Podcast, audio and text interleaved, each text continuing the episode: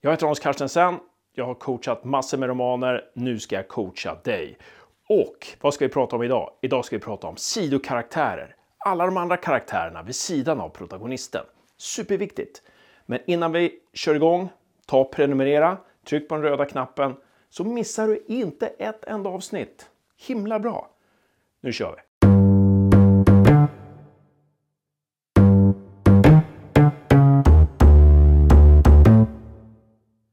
Sidokaraktärer, ja. Vad är det för någonting? Alla karaktärer som inte är protagonisten. Alla de här som är vid sidan av berättelsen men ändå väldigt betydelsefulla i berättelsen.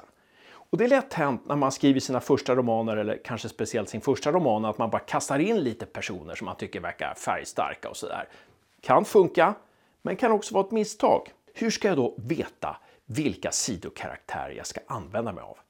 Det första som kan vara bra att fundera över, det är vilka sidokaraktärer skulle min protagonist behöva? Alltså utgå ifrån protagonisten.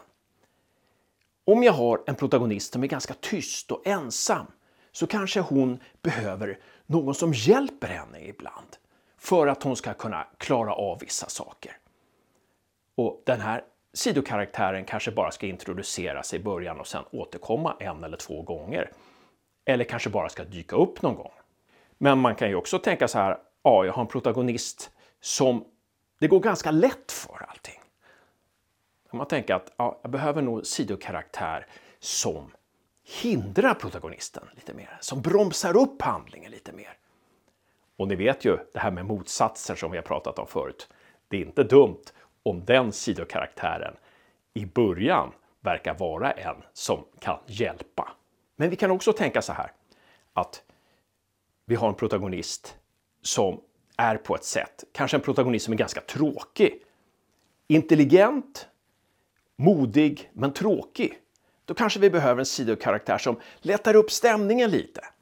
Som är något av en clown eller en joker. Man kan också tänka åt andra hållet, att vi har en protagonist som är väldigt rolig men inte särskilt analytiskt.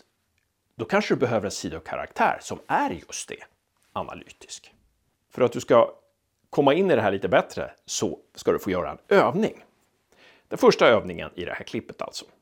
Och den här övningen går ut på att jag målar upp en protagonist som är på ett visst sätt och din uppgift är att försöka välja en av fyra sidokaraktärer som du tycker är bra för den här berättelsen.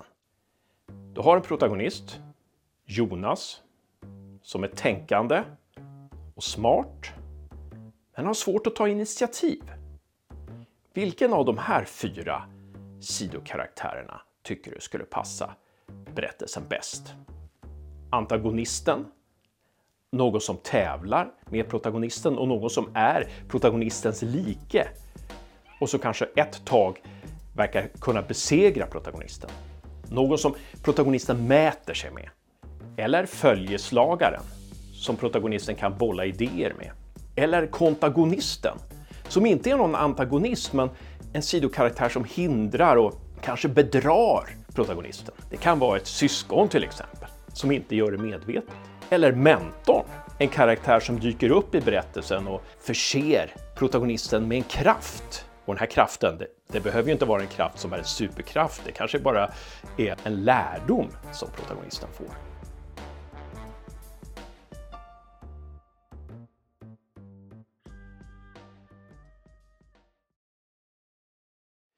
Nu ska vi ta och fundera kring vilken sida av karaktär en berättelse kan behöva om vi funderar på själva storyn. Vi tänker bort protagonisten och koncentrerar oss på storyn. För det kan också vara en hint om vilka sidokaraktärer du behöver. Till exempel så kan en karaktär bara dyka upp vid ett tillfälle i en roman om du behöver, om du känner att här behöver jag en riktig vändpunkt. Jag har kört fast här någonstans och vet inte riktigt vart berättelsen ska ta vägen. Varför inte låta en sidokaraktär dyka upp? Kanske någon dyker upp ur det förflutna och tar sig till med saker och ting. Ett annat sätt att tänka utifrån storyn är att tänka att jag skulle vilja skapa en fördjupning. Det händer mycket saker i min roman, men den är inte speciellt djup.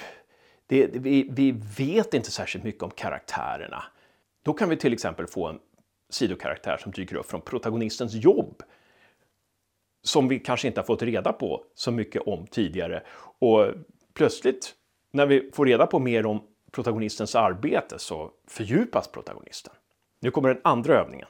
Nu ska du få träna på att försöka ta storyn i en annan riktning, en helt annan riktning än den var tidigare. Genom att låta en sidokaraktär dyka upp. Fredrika har letat efter en gammal kärlek. Hon kommer till Strängnäs. Hon ska precis ringa på den här gamla kärlekens dörr. Då dyker en person upp och gör historien mycket mer dramatisk.